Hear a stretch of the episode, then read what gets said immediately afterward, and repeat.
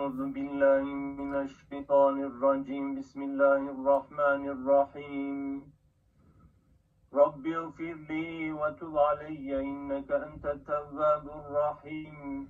اللهم إني أستغفرك وأتوب إليك. اللهم إني أسألك العفو والعافية في الدنيا والآخرة.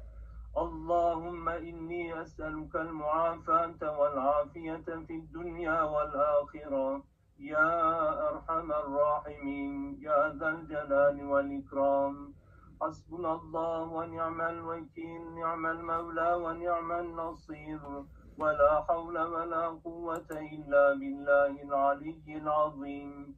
اللهم صل على سيدنا محمد وعلى إخوانه من النبيين والمرسلين.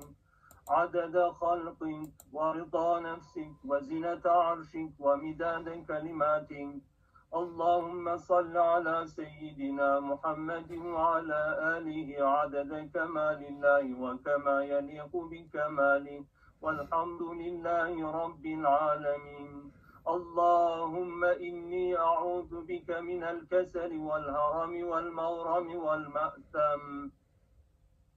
اللهم إني أعوذ بك من عذاب النار وفتنة النار وعذاب القبر وشر فتنة الغنى وشر فتنة الفقر ومن شر فتنة المسيح الدجال.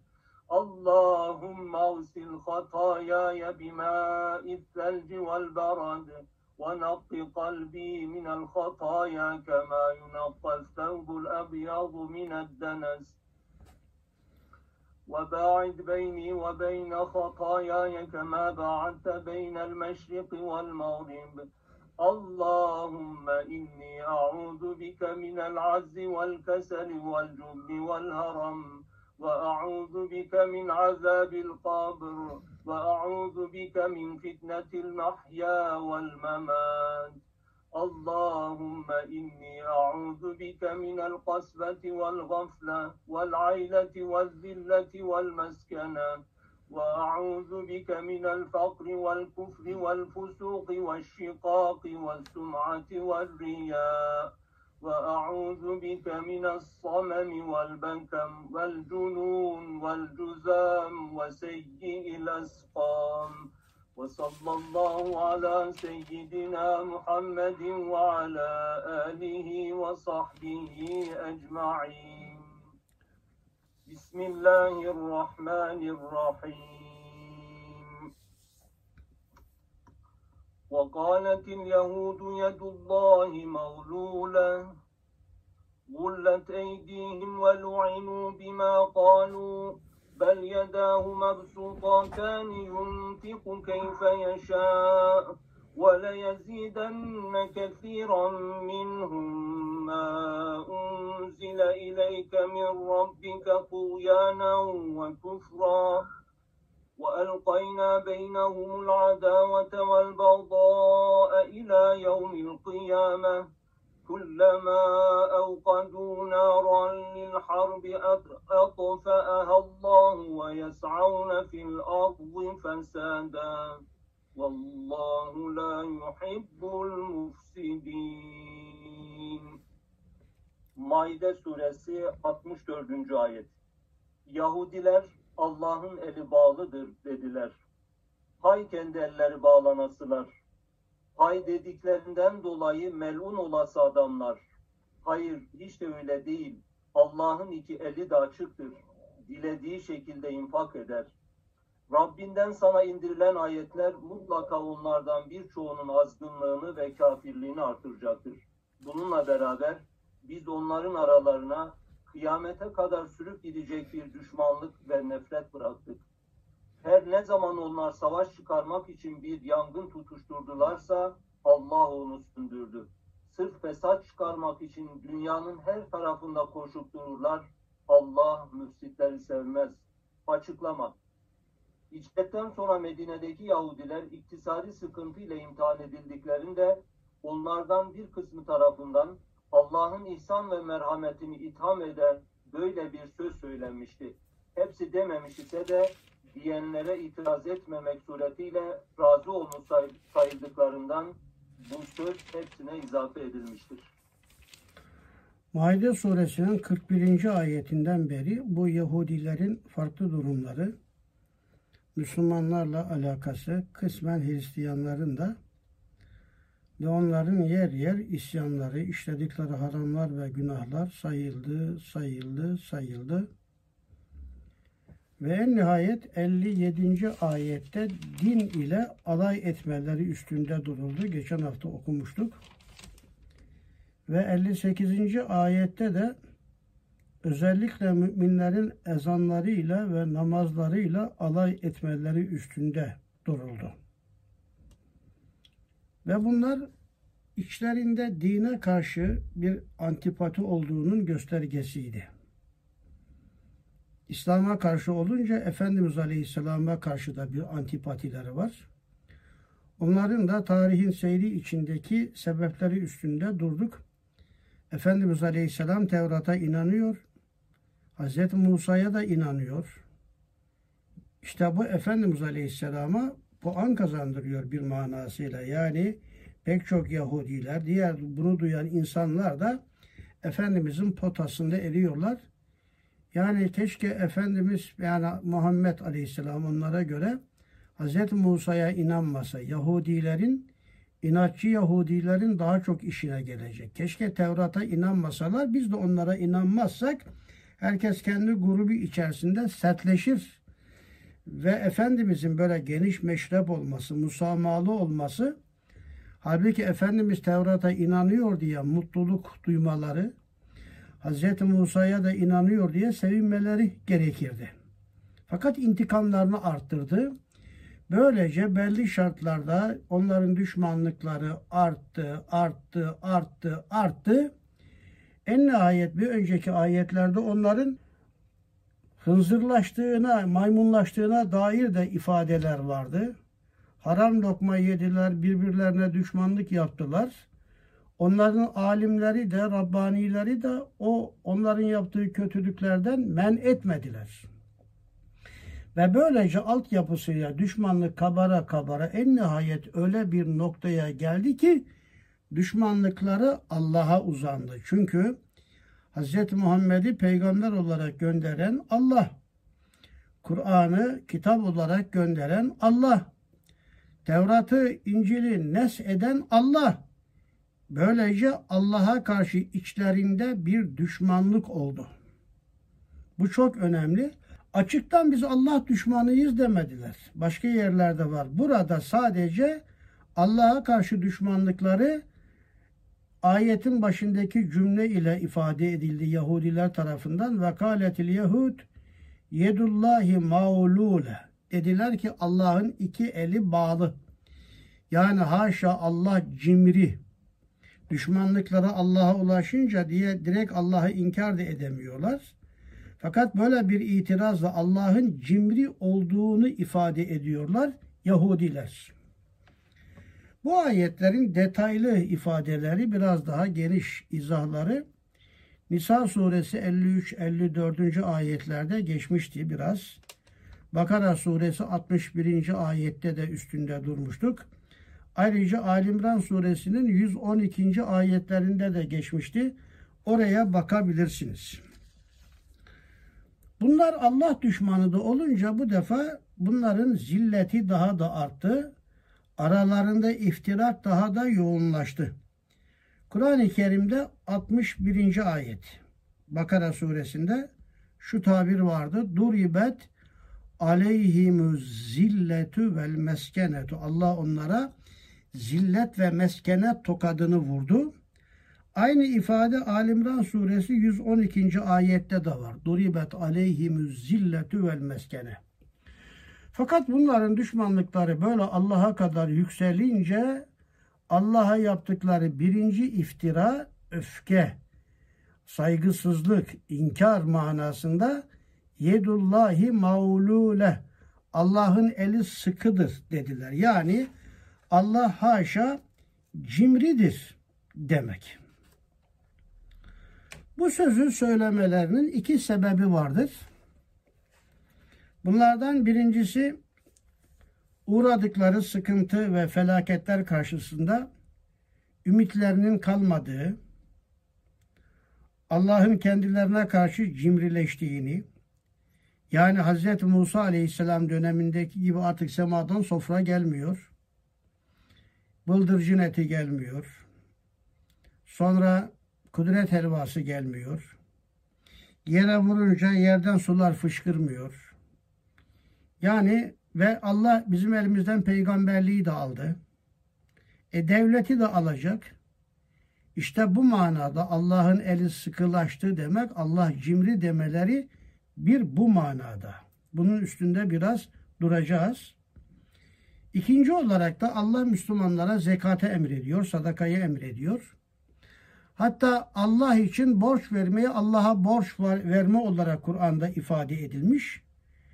Ya Allah demek ki borca ihtiyacı var. Allah'ın yardıma ihtiyacı var. Allah'ın sadakaya, zekata ihtiyacı var diyorlardı. Bu da Allah'ın haşa cimrileştiği, elinin sıkı olduğunu ifade etmek içindi ki Kur'an-ı Kerim'de Yahudiler bunu başka ayette sarahatla şöyle anlatıyorlar.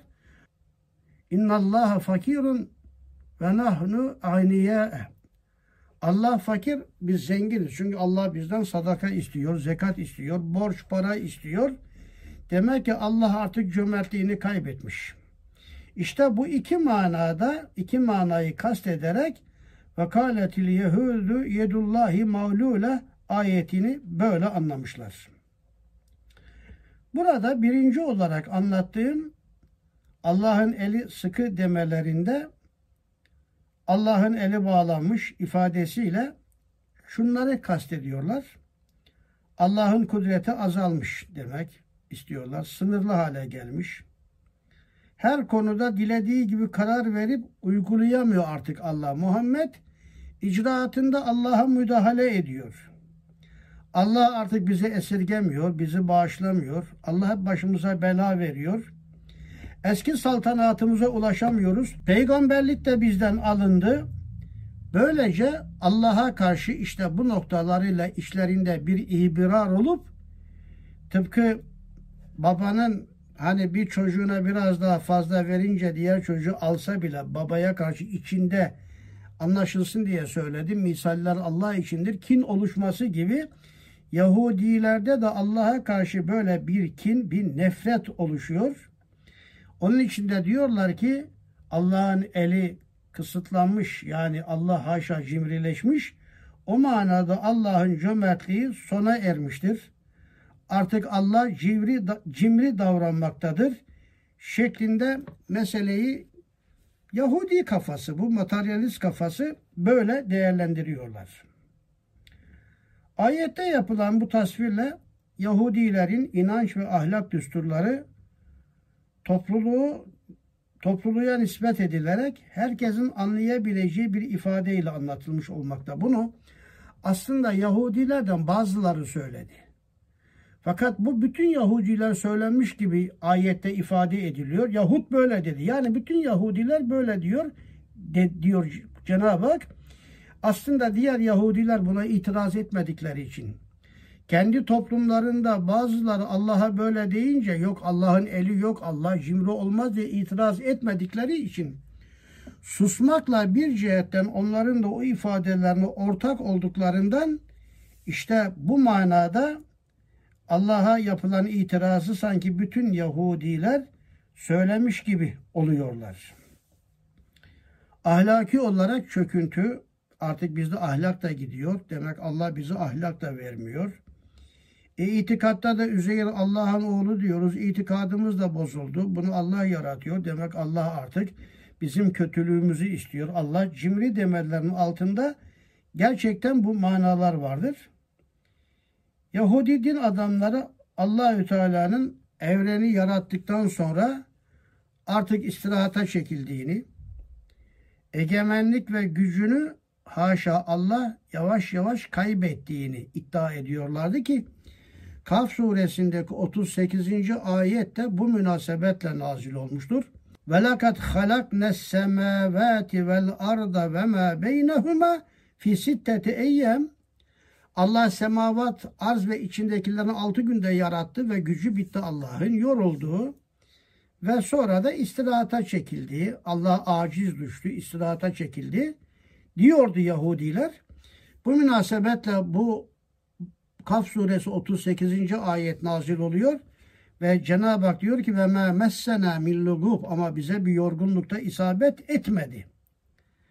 Onun için burada şöyle bir incelik daha bu birinci madde içerisinde biz daha önce Allah'ın sevgilileriydik. Ve kâletil yehudu ve nasara nahnu ebnaullahi ve ehibbâih ayeti Maide suresi 18'de geçmişti bu. Biz Allah'ın sevgilileri ve oğullarıyız. Onun için Allah bizim için her şeyi yaratıyordu. Peygamberlik de bizdeydi, devlet de bizdeydi. İnsanlar bize göre şekilleniyordu. Biz idare ediyorduk. Ama Allah bütün bunları bizim elimizden aldı şimdi. Allah'ın sevgilileri de olmadı. Çünkü duribet aleyhimüz zilletü vel meskenet dedi Allah bize. Bize sevgili demedi. Zillet tokadı dedi size.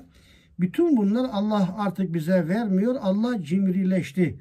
Allah'ın eli burada sıkı demelerinin birinci manası bu Yahudilerin tasavvurları, düşünceleri olarak. Burada kısaca ikinci manaya da geçeceğim de kısaca yet kelimesi. Yedullah Allah'ın eli. Allah'ın eli deyince el olunca bir vücut olur. Vücut olunca şekil olur. Şekil olunca bir cismaniyet olur. Cismaniyet olunca, şekil olunca bir mekana oturur. Bir mekanda temekkün eder. Halbuki Allah bir mekana temekkün, temekkünden, cisimden, cesetten, bir şekilden münezzehtir. O zaman Allah'ın bu eli tabiri Kur'an-ı Kerim'de de var. Mesela Fetih suresinde sahabe elini Efendimiz Aleyhisselam'a verip biat edince sanki ellerini Allah'a vermiş gibi olurlar.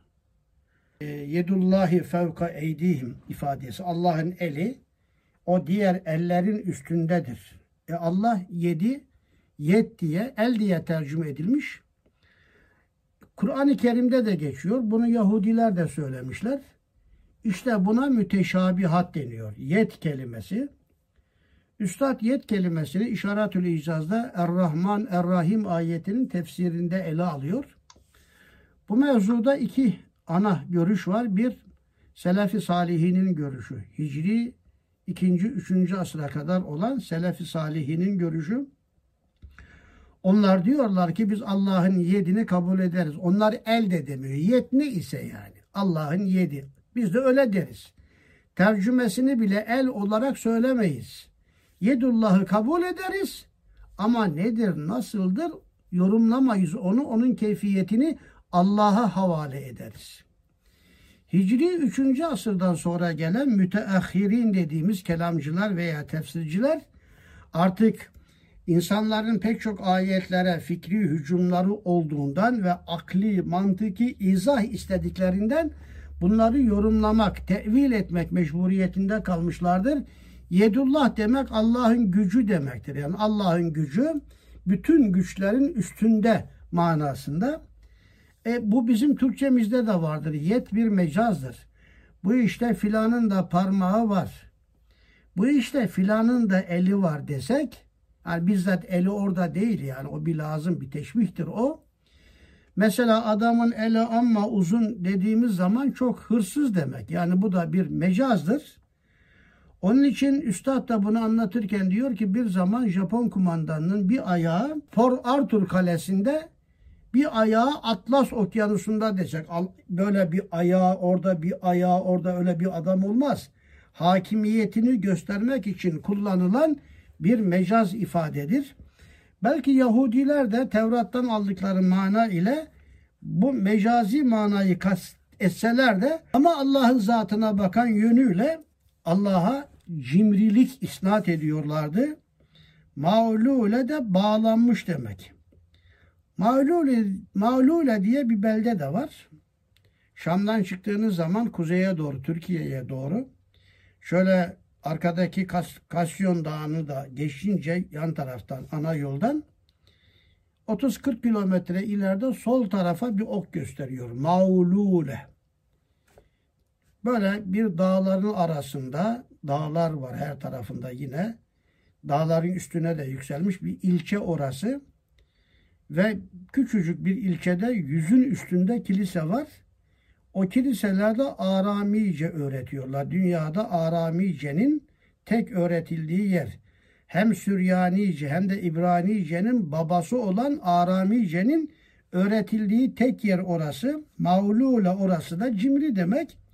Ama işte bu isimden mi aldılar? Yahudiler öyle Allah'a dedikleri için mi bu ismi koydular? Ama o mekanın da adı öyledir. Eli sıkı ifadesi Kur'an-ı Kerim'de Yahudiler tarafından söylenilen mesela İsra suresi 29. ayette de var. Ve la tec'al yedeke mağluleten mağluleten ila unukike fe la tebsutha küllel bastı fetakude melûmen mahsura ayeti. Bu da eli sıkı eli sıkı olma büsbütün eli açıkta olmakla herkes tarafından e, lanetlenmiş yani. Kaybettikleri hasret içerisinde Yahudilerin Allah'ın eli sıkıdır, Allah'ın eli cimridir. Bunları ifade ediyorlar özetle. Bir ikinci manası vardı. Bu eli sıkı olmasıyla alakalı. Kısaca ona da temas etmek istiyorum. Yani Allah zekatı emrediyor, sadakayı emrediyor. Allah karzı hasen ve yukridullaha kardan hasenen Allah'a borç verme. Yani bir insana borç verme, Allah'a borç verme gibi ayette ifade ediliyor. Demek ki artık Allah da borç alıyor. Allah da sadakaya muhtaç hale gelmiş. Vesaire Kur'an'da geçen bu emirleri haşa Allah'a verilen Allah'ın ihtiyacı var. Artık Allah veremez hale geldi. Kendisi de muhtaç oldu manasında bu ayet bir de onu ifade ediyor. Ve kâletil yehud yedullahi mağlule ayeti. Bu mesele daha dikkatlice düşünülebilir üstünde. Mesela Fecr suresindeki ayetler 15. ayetten itibaren sonuna kadar Allah'ın ne kadar cömert olduğunu anlatan ayetlerdir bunlar. İnsan karakteri bu. Allah bol bol verdiği zaman Rabbimiz verdi de şükreder bazı insanlar. Ama فَاَمَّا الْاِنْسَانِ اِذَا مَبْتَلَاهُ فَقَدَرَ عَلَيْهِ رِزْقَهُ فَيَقُولُ Rabbi ehenen Fecr suresinde Rabbi verdiği nimeti kısınca artık eskisi kadar vermeyince kul der ki haşa Rabbim bana ihanet etti. İşte bu fıtrat bozukluğunu anlatan Fecr suresindeki bu ayetler Yahudilerin de fıtratını anlatan ayetler olarak ifade ediliyor. Böylece burası gerçekten derin bir yerdi. Kısaca ifade etmiş oldum. Yani ayette önce vekaletil yehud yedullahi mağlule. Dedikten sonra Allah onlara cevap veriyor. Kullet eydihim onların elleri bağlansın. Onlar muhtaç hale gelsinler, veremez hale gelsinler. Ve sonra Allah'ın ikinci bir bedduası ve lu'inu lanet olsun onlara bima kalu o az önce dedikleri şeylerden dolayı Allah'ın eli bağlı Allah cimri demelerinden dolayı Allah onlara lanet etsin diyor ve onların eli bağlansın. Yedahu mebsutaten Allah'ın iki eli de açıktır. Allah'ın iki eli burada yani onların itiraz etmek istediği iki nokta vardı. Devleti elimizden aldı. Artık bizden peygamberliği aldı. O yönleriyle bir de Allah haşa zekata muhtaç. Bu iki noktaya dikkat çekilmiş olabilir. Allah'ın mutlak daha genişliği, Allah'ın iki eli. Hani insanlarda iki el olduğu için iki elle de veren bir insan bol bol verdiği için ona da bir teşbih olabilir bu.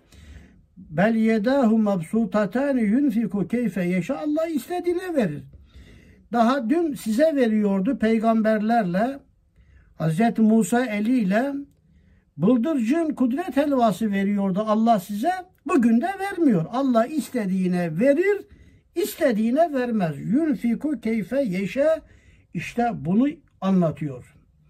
Ve le yezidenne kethiran çoğunun da artırır. Neyini arttırır? Minhum onlardan ma unzile ileyke min rabbike Rabbinden sana gelenler indirildikten sonra onların tuyanlarını ve küfrünü arttırır. Yani Efendimiz Aleyhisselam'a Cenab-ı Hak cihatlarda galibiyet veriyor. Peygamberler, peygamberlik Araplara geçmiş. Çok daha önemli bir şey söylüyorum. Kıble Mescid-i Aksa'dan alınmış Kabe'ye yönelmiş. Artık Mescid-i Aksa'ya bağlı yaşayan ehli kitabın saltanatı da gitti. Artık merkez de değişti. Bütün bunlar onların sadece Allah'a karşı baş kaldırısını ve küfrünü ziyadeleştiriyordu. Ayette buna dikkat çekiliyor. Bunun da üstünde çok durmak lazım aslında. Ve ayette bir nokta daha var ki Allah onların küfrünü arttırıyor. Baş kaldırmalarını, tuyanlarını ziyadeleştiriyor. Ama bir şey daha var. Ve el kayna beynehum adavete vel bada ila yevmil kıyamet. Hristiyanlarla Yahudiler arasında buğz. Kıyamet gününe kadar. Ayrıca Hristiyanların kendi arasında birbirlerine karşı buğz. Ayrıca Yahudilerin de kendi arasında kıyamete kadar devam edecek buğuzlarına, küfürlerine, düşmanlıklarına dikkat çekiyor. Allah'a karşı böyle bir iftirada bulunmanın iki cezası var. Birincisi zaten Allah'ın onların küfrünü arttırması, ikincisi de aralarına fitne tohumları saçması. Bütün bunlardan sonra bir hususa daha dikkat çekiliyor ki ve evkadü naran lil harbi Allah. Ayetin mealini okuduk zaten. Her ne zaman onlar savaş çıkartmak için bir yangın tutuşturdularsa da. Demek ki beşer tarihinde çıkan harplerin Efendimiz dönemindeki harpler dahil kıyamete kadar çıkacak harplerin altında burada cihat demiyor. Allah yolunda mukatele demiyor. Harp. Yani sadece burada harp kelimesini kullanıyor Cenab-ı Hak. Bu da dikkat çeken bir husustur. Yani her türlü savaşı, menfaat savaşları, menfaat için vuruşmalara cihat denmez. Menfaat için vuruşmalara, ırk için vuruşmalara cihat denmez, kıtal de denmez. Bunlara sadece harp denir. Harp, kıtal, cihat arasında kelime olarak böyle ince bir nuans var. Yahudiler menfaati veya kendi ırkları için insanlar arasında e, bir fitne, bir savaş, yangın tutuşturma için uğraşırlarsa da diyor ki ayette Allah onu söndürdü. Bundan sonra onların savaş çıkartmalarına da Allah Efendimiz Aleyhisselam döneminde özellikle fırsat vermeyecek. Burada birkaç nükte var. Bunlardan birincisi e, kıtal kelimesi yerinde harp denmesi sıcak çatışma olarak anlamak doğru olmaz. Çünkü ayette kıtal kelimesi değil soğuk savaşta dahil olmak üzere her türlü savaşı kapsayan harp kelimesi kullanılmıştır. İkinci mana lil harp ifadesinin bağlamı göz önüne alındığı zaman burada dini ihtilafları ön plana çıkaran çekişmelerin kastedildiği, sevabı olmayan dini çekişmelerden dolayı yapılan vuruşmalar hem Yahudiler Hristiyanlara karşı hem de kendi aralarında. Üçüncü bir mana da ayetten anlaşıldığına göre asırlar boyunca Yahudilerin bozguncu kesimince sergilenen bağnaz tutumlar ile savaş duygularıyla hareket etmeleri ve ortaya koydukları bütün çabalar Allah'ın bir lütfu olarak ekseriyetle hep engellenmiştir. Ve böylece Allah'a itiraz eden, Allah düşmanı olan Yahudilerin bir de ve yes'avne fil ardı fesaden Fesaden sonu nekre. Fesadın ne zaman nereden çıkartılacağı belli değil. Eni boyu çapı belli değil. Daima koşuyorlar. Ve yes'avne fiili muzaridir. Hale ve istikbale bakar. Yeryüzünde koşarlar, fesat için koşarlar. Yahudilerin işi bu. Onun için yeryüzünde ne kadar fesat şebekesi varsa Deccaliyet dahil bir ucu Yahudilerin elindedir. Üstadın Kastamonu layıkasında da ifade ettiği gibi Hz. İsa Aleyhisselam Kudüs tarafına veya Şam'da Emevi camisine inince elinde kılıçla İstanbul'a doğru yürüyecek her taş her ağaç konuşacak. Bak bak benim arkamda Yahudi var diyecek diyor. Yani bak her taş her ağaç bak bak benim arkamda Yahudi var demesi her fitnenin arkasında Yahudilerin olduğu artık ayandan ayan beyandan beyan hale gelecek ve o Yahudileri kesecek İsa Aleyhisselam bir dönem anlatılıyor.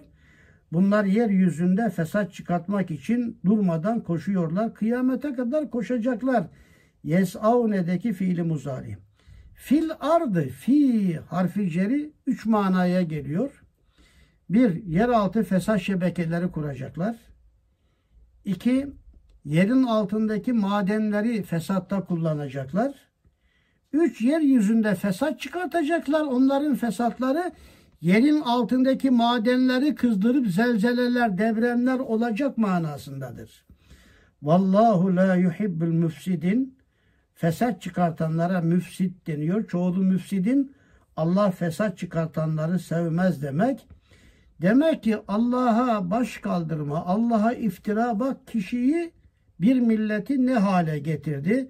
Kademe kademe burada 5-6 meseleye dikkat çekiliyor ve Müslümanlar uyarılıyor. Efendimiz Aleyhisselam uyarılıyor burada ve böylece bu ayete kısaca temas etmiş olduk. Şimdi bütün bunlardan sonra Yahudilerin hepsi mi kötü? Yukarıda çünkü vakaletil Yahud deyince biraz içlerinden bazıları söyleyince diğerleri susunca geneli kastedilmiş gibi anlaşıldı. Öyle de ifade ettik. Ama şimdi gelecek 65. ayet, 66. ayetlerde bütün Yahudi ve Hristiyanların hepsinin kötü olmadığına dikkat çekiliyor. Şimdi o istisna durumu anlatan 65. ayet buyurun. ولو أن أهل الكتاب آمنوا واتقوا لكفرنا عنهم سيئاتهم لكفرنا عنهم سيئاتهم ولأدخلناهم جنات النعيم 65. ayet Eğer ehli kitap iman etse ve fesatçılıktan ve diğer fenalıklardan sakınsalardı, elbette biz onların kötülüklerini örter ve onları naim cennetlerine yerleştirirdik. Evet çok dikkat çeken bir ayet bu. Yani bütün Yahudiler ve tabii ki Hristiyanlar da illa da cehenneme gidecekler. Canları cehennemi olsun dememek lazım. Burada Cenab-ı Hak onların da cennete gidebileceğine dair bir iman etmeleri. Yani teslisten tevhide dönmeleri. Şartını getirmiş. İki, fesat çıkartmaktan vazgeçecekler. Fesatlarının ne olduğunu bir önceki ayetin sonunda içinde söylemişti. Yeryüzünde fesat çıkartmak için koşarlar. Yeryüzünü ıslah etmek için koşarlarsa diğer fenalıklardan sakınsalardı. Diğer fenalıklar ta yukarıdan beri sayıla gelen namazla alay etmeseler, ezanla alay etmeseler ve işte dinle alay etmeseler, Efendimiz Aleyhisselam'la alay etmeseler, cimrilik yapmasalar yukarıda ta 41. ayetten beri sayıla gelen özellikler. Hatırlarsınız Bakara suresinde Yahudilerle alakalı 120 ayet anlatılmıştı. 41. ayetten itibaren Bakara suresinde 120 ayet Yahudileri anlatan ayetlerdir. Orada onların müsbet tarafları anlatıldı, kötü tarafları anlatıldı. Belki orada anlatılan o kötülüklerinden de vazgeçselerdi Allah onların bir kısım günahlarını örterdi. Bunların günahlarını olduğunu Allah onların yüzlerine vurmuyor ve onların da naim cennetlerine gidebileceğine Cenab-ı Hak dikkat çekiyor. Artık Kur'an-ı Kerim geldi Kur'an'ın bütününe inanırlarsa Muhammed'i de peygamber olarak kabul ederlerse illa cennete gidecekler. Buradaki mesele çok yönlü tahlile müsaittir. Üstünde durmak gerekiyor. Yahudilerin de naim cennetine gidebileceği anlatılıyor burada belli şartlar içerisinde. Ben kısaca burada cennet hakkında birazcık malumat sunmak istiyorum. İbn Abbas'tan gelen bir rivayette cennetin yedi tabakası olduğuna dikkat çekiliyor. Firdevs, Adin, Cenneti Naim, Darül Hult, Me'va, Darüsselam ve İlliyün olarak da derecelendirilmiş bunlar. Cennet hakkında da geniş malumatlar e, kaynaklarından okuyabilirsiniz elbette. Öbür alemde Cenab-ı Hakk'ın kulları için, salih kulları için hazırladığı muhteşem bir alem. Cennetün Naim Kur'an-ı Kerim'de de çok geçiyor. Şura suresi 85, Maide 65 işte burada geçen. Tövbe 21 ve Yunus suresi 9. ayetlerde ve ayetlerin bir tanesinde diyor ki beni cennetün naimin varislerinden kıl ya Rabbi. Öyle dua etmeliyiz. Beni cennetün naimin varislerinden kıl demek beni o cennete, naim cennetine ithal eyle ya Rabbi demek. Cennetin en zirve ucu cennetül adindir. Kur'an-ı Kerim'de şüphesiz ki iman edenler ve güzel amel yapan, salih amel yapanlar yok mu? İşte onlar mahlukatın en hayırlısıdır. Onların mükafatı Rableri katında adin cennetleridir. Ki onların altlarından nehirler akar. Orada onlar ebedi kalacaklardır. Allah ondan razı. Onlar da Allah'tan razı. Beyyine suresi 8. ayette geçer özellikle. Tövbe suresi 72, Rahat 23, Nahil 31. ayetlerde de geçiyor. Cennetül Firdevs şüphesiz iman edip güzel amel işleyenler barınak olarak Firdevs cennetlerine gidecekler. Bu da Kehf suresi 107. ayet. İnnellezîne âmenû ve amilus salihati kânet lehum cennetül firdevsi nüzüle. Mesela meva cenneti var. İman edip güzel amel işleyenlere gelince onlar da meva, onlar için meva cenneti vardır. Secde 14 ve Necim suresi 15. ayette Darüsselam var. Halbuki Allah Darüsselam'a çağırır. Vallahu yed'u ila darisselam ve yehdi men yeşâ ila sıratın müstakim ayeti Yunus 25 En'am suresi 127. ayet bir de Fatır suresi 35. ayette o Rab ki fazlından bizi durulacak yerde yani cennete kondu hult. Bir de karar cenneti var. Cennetin kendi içinde 6 sayan, 7 sayan, 8 sayan mertebeleri vardır. Ve özellikle Efendimiz Aleyhisselam Allah'a dua ederken Allah'ım beni cennetine koy demeyin de cennetin de yüksekliğini, yüceliğini, yüce cennetleri isteyin. Allah'ım beni Firdevs cennetine, Adin cennetine deyin diyerek Efendimiz Aleyhisselam bizi yönlendirmiştir. Bu 65. ayet Cenab-ı Hak genel olarak Yahudilere tavsiyede bulunmuş. Ehli kitaba daha doğrusu. Gelin iman edin. Fesat çıkartmaktan sakının. Eğer böyle yaparsanız biz sizin günahlarınızı örteriz. Yani burada Allah'ın rahmaniyetinin, rahimiyetinin, onun sonucu olan affediciliğinin gadabına, kahrına, ceza vermesine galip geldiği anlatılıyor. Ve ilahi ahlak olarak da bize deniyor ki siz de insanlar için affedici olun. Onların günahlarını, suçlarını yüzüne vurmayın İlahi ahlakla ahlaklanın. Bu da sizin cennete gitmenizin de en önemli bir sebebi olacak diyor. Ve tekrar 66. ayette de bu ana şart devam ediyor. Buyurun 66. ayet. ولو أنهم أقاموا التوراة والإنجيل وما أنزل إليهم من ربهم لأكلوا لأكلوا من فوقهم ومن تحت أرجلهم منهم أمة مقتصدة وكثير منهم ساء ما يعملون 66. ayet Eğer onlar Tevrat'ı, İncil'i ve Rableri tarafından kendilerine indirilen Kur'an'ın hükümlerini hakkıyla yerine getirselerdi, muhakkak ki yukarıdan yağmur gibi yağan ve yerden biten nimetler içinde kalır, onlardan yerlerdi. Onlardan mutedil bir zümre de vardır. Ama onların çoğu pek çirkin işler yapmaktadırlar. Açıklama, yukarıdan gelen nimetler ilahi vahiy, manevi ve ruhani gıdalar, yerden bitenler ise maddi nimetlerdir. Evet bu husus daha önce de farklı boyutlarıyla geçti. Özellikle Alimran suresi 113. ayette, Araf 96, Rum 41'de gelecek, Araf 159'da, Hadid suresi 27. ayetlere de bakılabilir.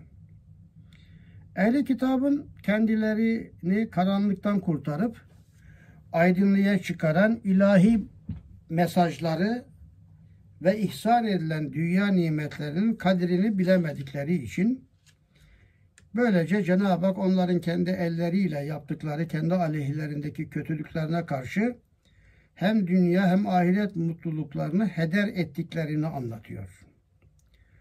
Ama özellikle bu 66. ayette onların içerisinde iyiler de olduğunu söylüyor. Çok önemli bu. Minhum ümmetün muktasid, mutedil.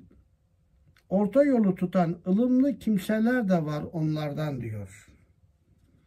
Bu husus hatırlarsınız Alimran suresi 175'te şöyle geçmişti. Ve min ehlil kitabi men inte menhu bi kıntarihin yüettihi ileyk. Ve minhum men inte menhu bi dinarin la yüettihi ileyk. İlla ma dumta aleyhi kaimen Zalike bi ennehum kalu leysa aleyna fil ümmiyine sebil ve yekulune alallahi kezibe ve hum. Yani ehli kitaptan öylesi var ki diyor ona yüklerle mal emanet etsen şu zamanda alacağım diye zamanı gelince onu sana noksansız öder. Ehli kitap yani Yahudi emanet veriyorsun vaktinde eksiksiz veriyor. Böyle iyi insanlar var onlarda diyor. Demek ki bütün Yahudiler, bütün Hristiyanlar veya başkaları kötü olamaz. Hiçbir toplumu toptan kötülemek iyi değil. Kötülememek, bütünüyle de methetmemek lazım. Hüküm eksere göredir, istisnaları vardır. Ayet devam ederek diyor ki işlerinden öylesi de vardır ki ona bir dinar emanet etsen bir dinar borç emanet verdin tepesine dikilip durmadıkça onu sana vermez. Ver paramı, ver emaneti, ver emaneti deyip durmadıktan sonra da vermez. Şimdi bizim Müslümanlarda yok mu böyle? Emanet ver bakalım alabilecek misin? Başına dikilsen de alamazsın. Yani Yahudilerden ahlaken daha beter olmuş nice Müslümanlar da vardır. Diyor ki ayetin sonunda çünkü onlar ümmilere yaptıklarımızdan dolayı bize bir vebal yoktur derler. Ümmi dedikleri burada Arapları kastediyor Yahudiler, Hristiyanlar. Ümmi demek yani biz Arapların parasını çalabiliriz, kadınlarına konabiliriz, ızlarını çiğneyebiliriz, emanet de alsak vermesek de olur. Yani bu ümmilere ne yaparsak yapalım. Bugün aynı mantık Türkiye'deki Türkiye'deki bu adamlarda var. Yahudilerin kötülerinin rolünü oynuyor bunlar. Yani filan cemaate ne yaparsak yapalım mallarını çökebiliriz vesaire. Aynen bu sözü Yahudiler Araplara karşı söylüyorlardı. Allah ders vermek için bunu söylüyor. Onlar bile bile Allah adına yalan söylemektedirler diyerek mesele gerçekten çok önemli bir noktaya irca edilmiş oluyor. Şimdi bu ayete az temas etmem gerekecek. Evet 65. ayette bir taraftan kötülerin bağışlamasından yani günahkar kişinin mahcup duruma düşürülmekten kurtarılması ve cezasının kaldırılmasından bahsediyor 65. ayette. Diğer taraftan da nimetlerle dolu cennetlere koyacakları anlatılıyor. Ama 66. ayete gelince çok önemli birkaç şey var burada arkadaşlar. 66. ayetin mealini okuduk. Eğer onlar Tevrat'ı, İncil'i ve Rableri tarafından kendilerine indirilen Kur'an'ın demek Tevrat'a aslıyla inanacaklar. İncil'e inanacaklar. Bir de Efendimiz'e gelen Kur'an'a inanacaklar. Bunların hükümlerini hakkıyla yerine getirselerdi ne olurdu? Hani Yahudiler yukarıda dediler ya Allah'ın eli cimrileşti, Allah'ın eli sıkı. Yani artık bize peygamber vermiyor, hüküm vermiyor, nimet vermiyor, cimri. Allah diyor ki öyle demeyin. Allah size verir yine. Daha öncekilerden verdiğinden daha muhteşemini verir. Ama ne şartla? Tevrat'a inanın aslıyla. İncil'e de inanın. Muhammed Aleyhisselam'a gönderilen Kur'an'ın ahkamına da inanırsanız eğer bak ne anlatıyor şimdi? Ee, muhakkak ki yukarıdan yağmur gibi yağan nimetler gelecek. Yerden de biten nimetler içinde sağanak sağanak yerden de nimetler bitecek ve onlardan yerlerdi. Acaba burada yukarıdan yağmur gibi gelen nimetlerle ayağının altından fışkıran nimetlerle Cenab-ı Hak neyi kastetmiştir? İşte bu mevzuda fevk, üst, taht, alt ifadesiyle acaba Cenab-ı Hak neleri kastetmiştir? Müfessirlerin bu mevzuda bazı farklı beyanatları olmuş. Kısaca aktarmak istiyorum. Buna göre ayette rızkın bolluğuna önce hem yukarıdan hem aşağıdan nimetler gelecek. Rızkın bolluğuna bu şartlara uyarlarsa dünya nimetlerinin de ilk bakışta çevrede görünenlerle sınırlı olmadığına dikkat çekiliyor. Yani şu anda biz nimet görüyoruz da nimet bundan ibaret değil. Gökten gelecek nimetler, yerin altından fışkıracak nimetler. Nimetler sadece şu anda bizim gözümüzle gördüğümüz kadar değil. Ayet önce buna dikkat çekiyor ve uzayın derinliklerindeki zenginlikler araştırılması, yerin altından da gelebilecek nimetlerin de derinlemesine araştırılmasına dikkat çekiyor. Belki eğer Yahudiler de Kur'an'a göre şekillenseydi bunların da ilk kaşifinin onlar olabileceğine de dikkat çekiliyor. Bu bir yorumdu. İkinci yoruma gelince üstlerinden ifadesi kendi gayretleri, kendi çapaları dışında Allah tarafından lütfedileceği nimetler, ayaklarının altından da nimet gelirdi de ifadesi de kendi kazançlarıyla, çalışmalarıyla Allah'ın onlara sunacağı sonsuz nimetlere dikkat çekiliyor. Ve diğer bir yoruma gelince bunlardan birincisi yani gökten sağanak yağmur gibi inecek nimetlerle toplum hayatında üretiminde devlet eliyle gelecek nimetlere alttan gelecek nimetlerle de ferdin kendi gayret ve çalışmalarıyla elde edebileceği nimetlere dikkat çekiliyor ki bunlar daha önce geçmişti. Bakara suresi 47. ayette geçmişti. Ya beni İsrail zikru ni'meti yelleti en'amtu aleyküm ve enni faddaltüküm alel alemin. Ey İsrail oğulları hani Allah'ın geçmişte verdiği nimetleri hatırlayın. Allah size pek çok nimetler vermişti. En'amtu aleyküm ve enni faddaltüküm alel alemin. Bir de yeryüzünde devlet bazında milletlerin ve devletlerin en üstte olmasını vermişti. Birisi devlet, birisi ferdin kendi kesbi olan nimetler de denebilir.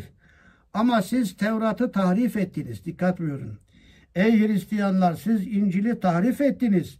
Kur'an'a da inanmadınız. Böyle olunca hem bu üstteki nimetlerden hem de ki hem de alttaki nimetlerden mahrum oldunuz ifadesiyle mesela bu hususa irca edilmiş oluyor. Ayette geçen muktasid ifadesi ehli kitaptan bir grubun sıfatı olarak kullanılan muktaside kelimesi. Bunun mastarı iktisattır. İktisat mutedil davranma, ölçülü, dengeli olma demektir ki şu anda bile ehli kitap içerisinde ruhi hayatı yaşayan, kalbi hayatı yaşayan ve böyle aşırı uçlara gitmeyen, tefrite düşmeyen, hepten ruhsuz olmayan bir grubun olduğu olacağını da ayet-i kerime dikkat çekiyor. Minhum ümmetün muktesidah ifadesiyle. Ehli kitap içinde iyilerin olduğuna dikkat çekiyor bu ayeti kerime. Ehli kitabın içindeki iyilerle de siz de iyi bir şekilde temas kurun. O iyileri bulun. İyilerin iyiliğini yakalayın.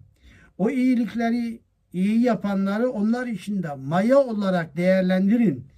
Diğerlerine de girin tebliğ irşat yapın manasında burada diyaloğa zemin hazırlayan bir ifadedir. Bu içlerinde iyi insanlar var. Bunlar azınlıkta ama ve kesirun minhum sa'e ma ya'melun onların pek çoğu da çoğunluğu da kötü amel işleyenlerdir diyerek onların durumunu bize anlatmış oldu. Ve böylece bu üç ayetin üstünde olabildiğince kısaca kendime göre durmuş olduk. Şimdi Yahudilerin iyileri olsun, kötüleri olsun. Hristiyanların iyileri olsun, kötüleri olsun. Küfür içinde olanlar olsun, nankörlük yapanlar olsun. Sen bütün bunların hepsini karşına alarak Allah'tan gelen şeyleri ya Muhammed sen onlara tebliğ et manasında bütün toplumu, bütün insanlığı kucaklar mahiyette sen ayrım yapma. Sen hepsini anlat manasında 67. ayette Efendimizin tebliğine dikkat çekiliyor.